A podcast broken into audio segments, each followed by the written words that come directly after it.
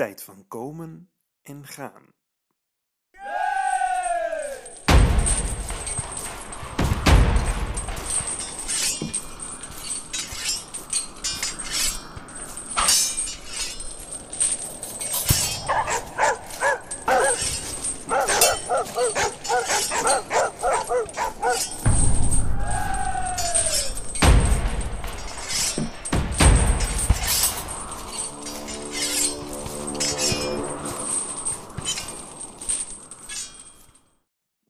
Historici laten de Romeinse tijd eindigen in het jaar 476 na Christus. Op 4 september van dat jaar werd de laatste keizer van het West-Romeinse Rijk, Romulus Augustulus, afgezet door een groep barbaren. Het oostelijke deel van het Romeinse Rijk bleef nog bijna duizend jaar intact, al kennen wij het onder een andere naam, het Byzantijnse Rijk. In de Duinenbollenstreek was er op dat moment al lang geen sprake meer van een Romeins gezag. Een officiële datum is er niet, maar we mogen ervan uitgaan dat er op die bewuste septemberdag al meer dan een eeuw geen echte Romein meer in de lage landen was geweest.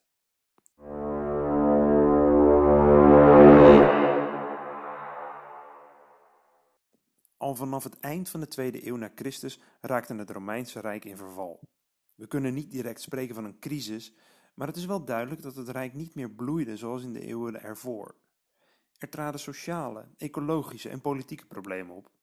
Epidemieën, een veranderend klimaat en voortdurende oorlogen langs de grenzen van het Rijk maakten dat er steeds meer groepen mensen gingen migreren.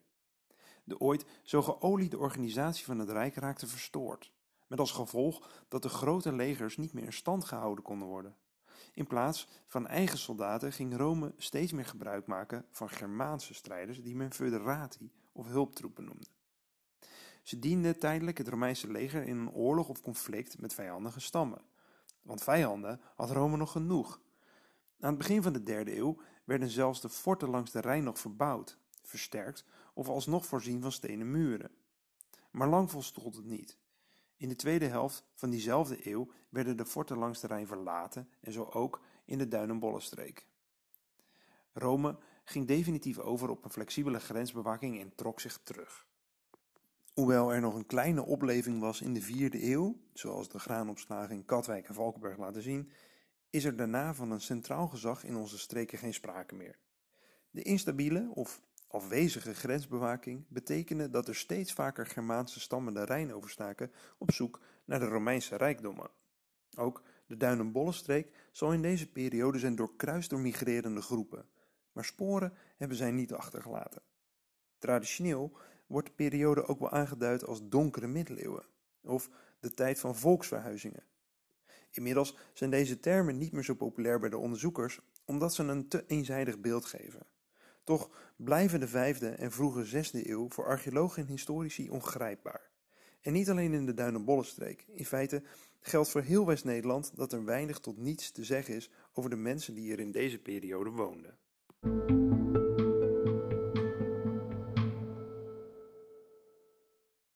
Hoewel het zou kunnen dat we nog niet goed weten hoe de sporen van deze mensen eruit zien, maakt stuifmeelonderzoek uit oude veenlagen duidelijk dat in grote delen van ons land de bossen toenamen en veenmoerassen groeiden, ook in de Duinenbollenstreek. Het wijst erop dat er minder open plekken in het landschap waren dan voorheen. Woonplaatsen werden weer door de natuur teruggenomen. Bovendien nam de bewoonbaarheid langs de Oude Rijn ook af. Niet door een toenemende invloed van de zee, maar als gevolg van lange perioden van hoge waterstanden van de rivieren. En dit werd veroorzaakt door grootschalige ontbossing verder in het binnenland, in Duitsland en Frankrijk. Regenwater stroomde daardoor veel makkelijker naar de Rijn toe. Ook de lange aanwezigheid van de Romeinen vlak naast de Duinenbollenstreek moet hebben geleid tot een uitputting en overexploitatie van de akker- en weidegronden. Met het Romeinse gebied bestonden immers goede handelscontacten. Duidelijk is dat door deze en politieke verwikkelingen het aantal inwoners in het Zuid-Hollandse kustgebied terugviel tot een haast onherkenbaar niveau van misschien maar een paar honderd inwoners.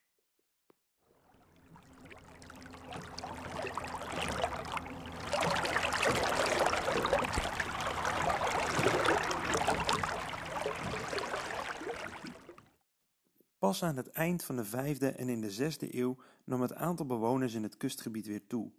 Het terpengebied van Groningen en Friesland kreeg te maken met groepen migranten uit het noorden van Duitsland en uit Denemarken, die bekend stonden als Angelen en Saksen. Maar eenmaal gearriveerd in de lage landen, namen zij de naam over van de voormalige inwoners, Friezen. Hoewel die naam een erfenis is van de uit de Romeinse tijd bekende Friesie, zal er van verwantschap geen sprake zijn geweest. Niets deed nog denken aan de eerdere bewoners van de kuststreek. De huizen waren anders, de gebruiksgoederen zagen er anders uit en ook de grafvelden werden anders ingericht. De door archeologen bestudeerde aardewerken potten en sieraden vertonen vooral overeenkomsten met vondsten uit het Angelsaksische stamgebied. Maar niet alleen in het Nederlandse kustgebied streken de Angelen en Saksen neer. Ze vonden ook hun weg naar het oostelijke deel van Engeland. De verwante groepen die in de 6e en 7e eeuw leefden rondom de zuidelijke Noordzee noemen we ook wel de Noordzeecultuur. De bevolking in Zuid-Holland groeide dus niet alleen vanuit de resterende bewoners uit de Romeinse tijd, maar ook door migranten zoals de Nieuwe Friezen met Angelsaksische achtergrond uit het Terpengebied.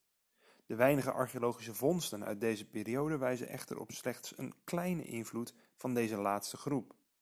Ook een naam als Sassenheim, woonplaats der Saksen, wijst hierop. Zo'n naam is alleen verklaarbaar wanneer men daar te midden van andere, niet-Saksische inwoners leefde. Tot welke stam de inwoners van Zuid-Holland in de 5e en 6e eeuw behoorden, is niet duidelijk. Misschien voelden zij zich allereerst wel Rijnlanders. Het oude beeld dat het westelijke kustgebied tot in Zeeland is overgenomen door talloze Friese bewoners is achterhaald. Het waren juist de namen van de elitenetwerken die het beeld bepaalden.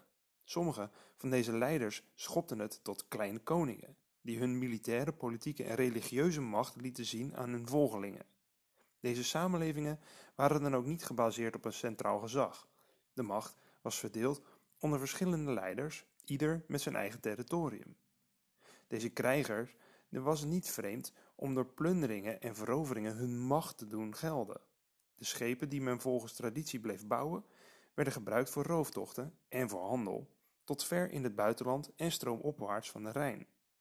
Pas in de zevende eeuw wordt het westelijk kustgebied Fries genoemd, maar dit is vooral een verwijzing naar de politieke machtsovername door het Friese koninkrijk, wat toen bekend werd. Uit geschreven bronnen weten we dat sommige Friese koningen invloedrijk waren en aanzien genoten tot in Midden-Europa en Scandinavië. Deze mannen hadden een gevolg van edelen en krijgers die de heerser overladen met prestigieuze giften. Als wederzijdse gift bood de koning hen dan weer bescherming. Ook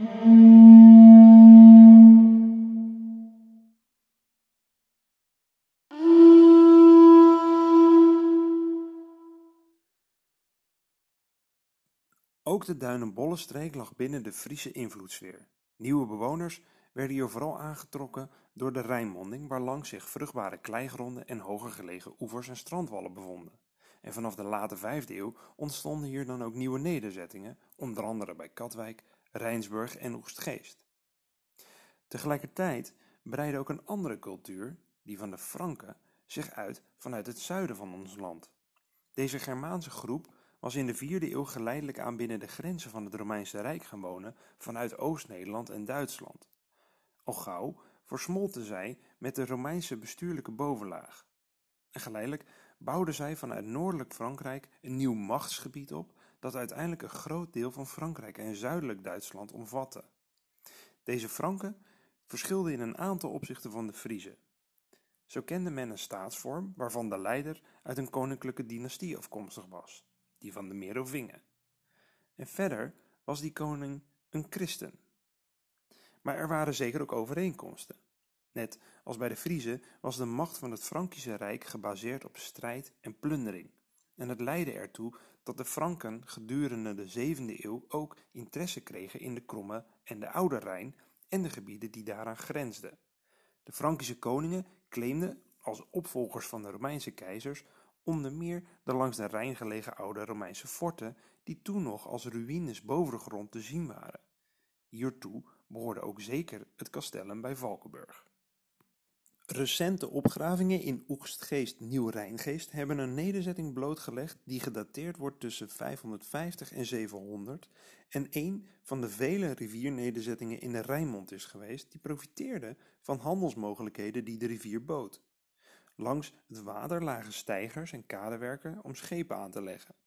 Met dammen verlegde men er de loop van de zijtakken van de rivier en om aan de overzijde te komen werden bruggen gebouwd. Een daarvan ging zelfs over de Rijn en het waren infrastructurele werken die qua vakmanschap en omvang deden denken aan de Romeinse constructies. Het is duidelijk dat de bewoners van de handelsplaats in Oegstgeest de nodige kennis en kunde bezaten.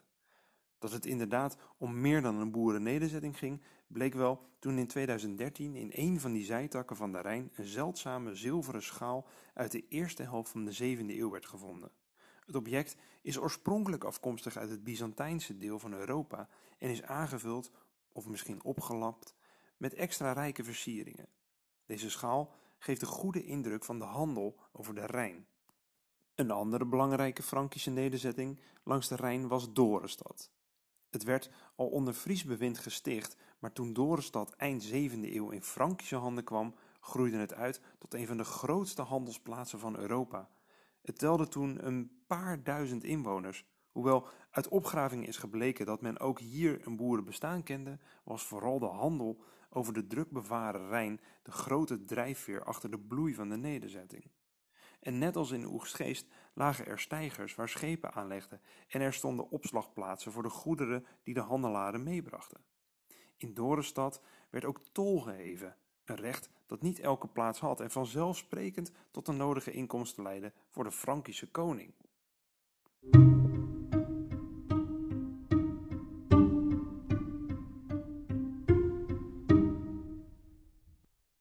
Niet alle vroegmiddeleeuwse nederzettingen waren belangrijke handelsplaatsen of lagen langs een handelsroute zoals de Rijn.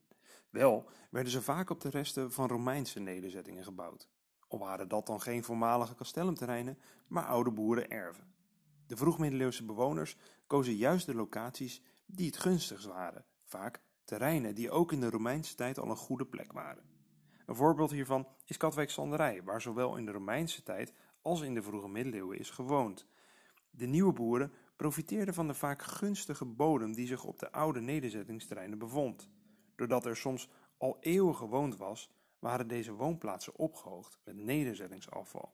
En ondanks dat dit oude woonoppervlak in de laat-Romeinse tijd veel overstoven was geraakt, bood het de vroegmiddeleeuwse boeren een vruchtbare bodem die prima te bewerken was tot akker.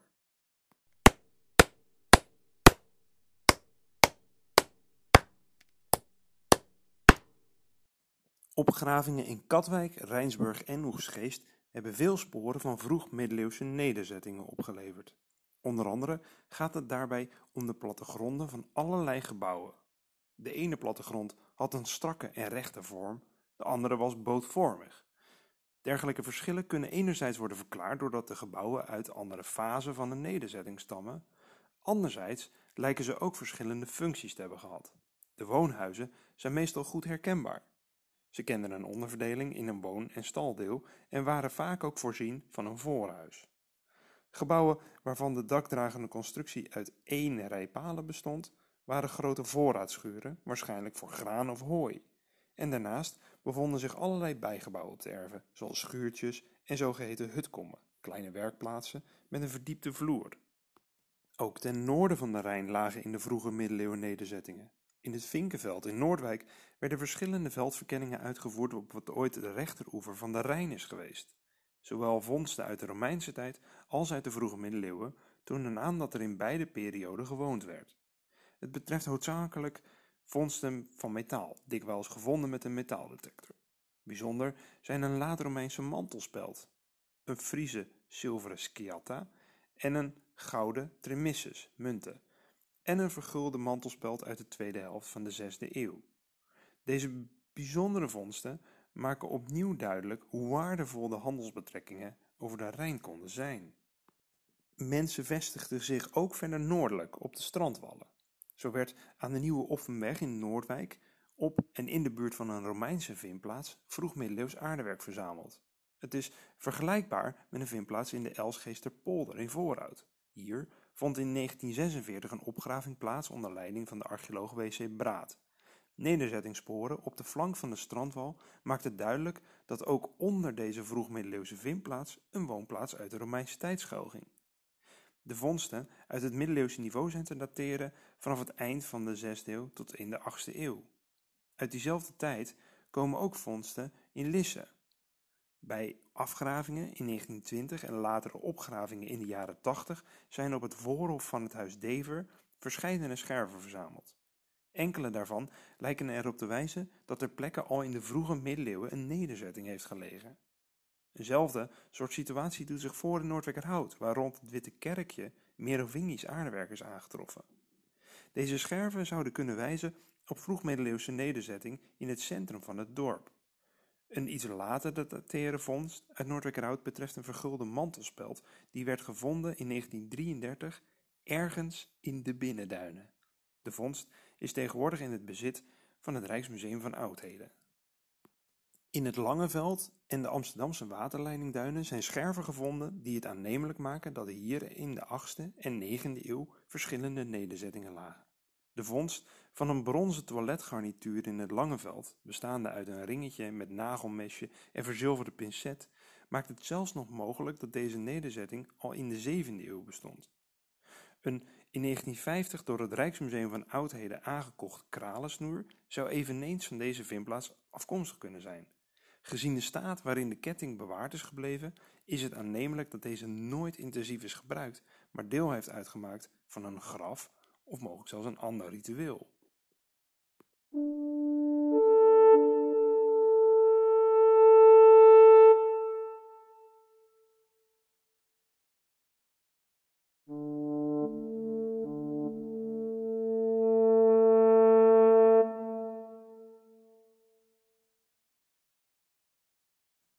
Culturele achtergrond van de mensen in de vroege middeleeuwen kunnen we voor een deel aflezen uit hun graven. Men werd na de dood begraven of gecremeerd, waarbij de laatste rustplaats soms werd voorzien van allerlei grafgiften.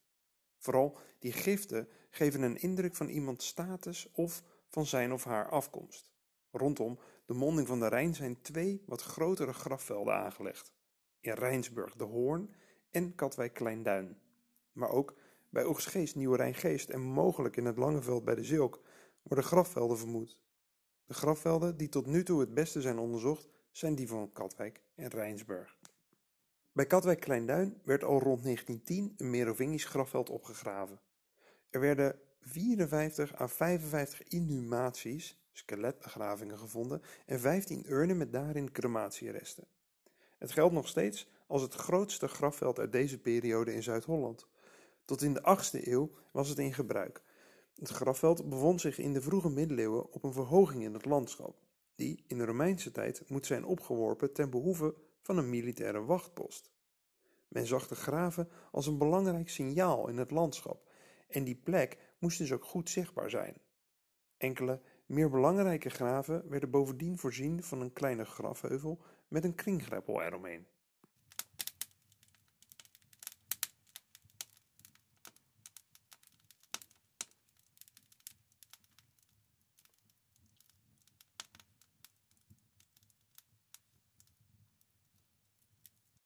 In Rijnsburg de Hoorn werd al aan het begin van de 20e eeuw een ander vroegmiddeleeuws grafveld onderzocht.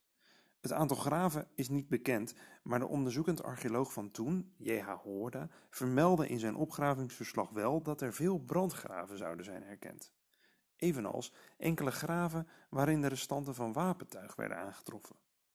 Dergelijke wapengraven werden ook in het grafveld bij Kleinduin aangetroffen en zijn een interessant fenomeen uit deze periode.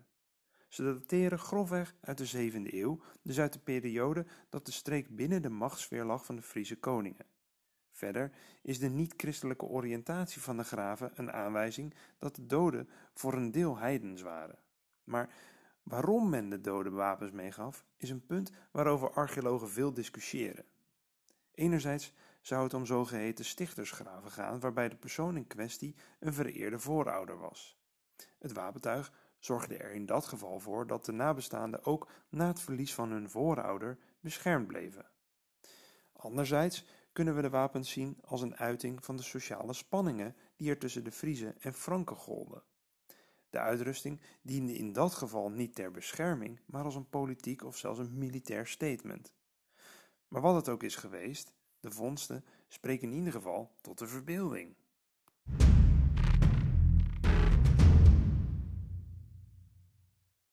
Na een eerste poging aan het eind van de 7e eeuw werd na de dood van de Friese koning Radbot in 719 het grootste deel van Frisia door het Frankische Rijk ingelijfd. Het betekende het einde van een constante twist tussen de Frankische en Friese heersers en het begin van de Carolingische heerschappij. Geleidelijk nam in de loop van de 8e eeuw de stabiliteit in politiek, economisch en religieus opzicht toe. Toen Karel de Grote in 800 keizer werd van het Frankische Rijk, bloeide handel en nijverheid langs de Rijn als nooit ervoor.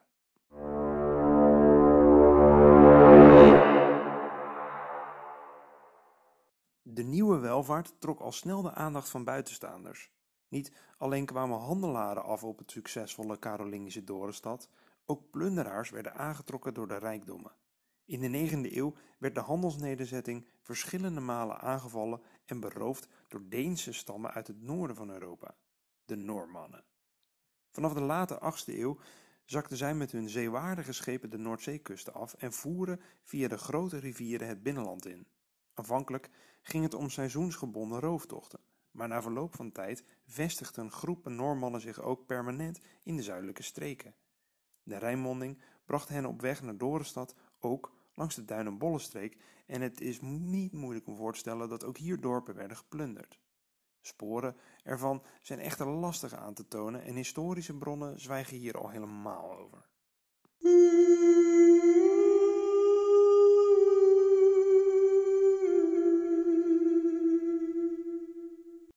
In de vroege middeleeuwen verschijnen ook de eerste kerkelijke in de Duinenbollenstreek. Al in 690 arriveerde de Angelsaksische monnik Willibrord. Hij kwam naar Frisia om het christendom te prediken, waarvoor hij toestemming had van de Frankische machthebber Pepijn II.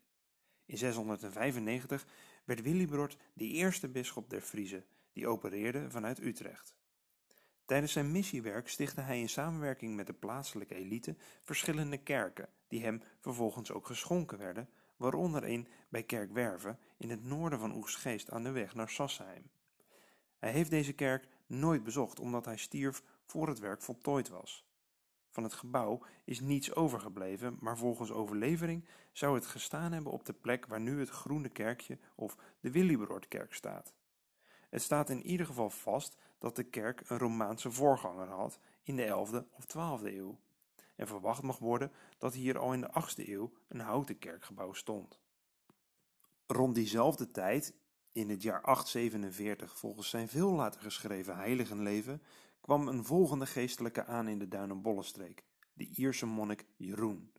Hij belandde in Noordwijk, waar hij ook een kerkje stichtte en niet lang daarna door de Noormannen zou zijn vermoord. Samen met Kerkwerve behoort Noordwijk zodoende tot de oudste kerken en oerparochies van de streek. Andere oude kerken vinden we terug in Valkenburg, mogelijk al in de 9e eeuw gebouwd binnen de ruïnes van het Romeinse fort, en in Voorhout, gebouwd in de 10e eeuw. Vanuit deze zogenoemde moederkerken werden nieuwe kapellen en kerken gesticht. Een voorbeeld is een kapel in Sassheim die voortkwam uit de kerk in Voorhout.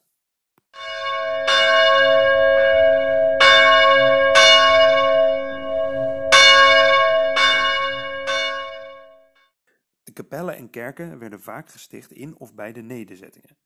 Veel van deze plaatsen kennen we ook bij hun vroegmiddeleeuwse naam. Ze komen voor op een bijzonder document uit deze periode, de zogeheten goederenlijst van de Utrechtse Sint Maartenskerk.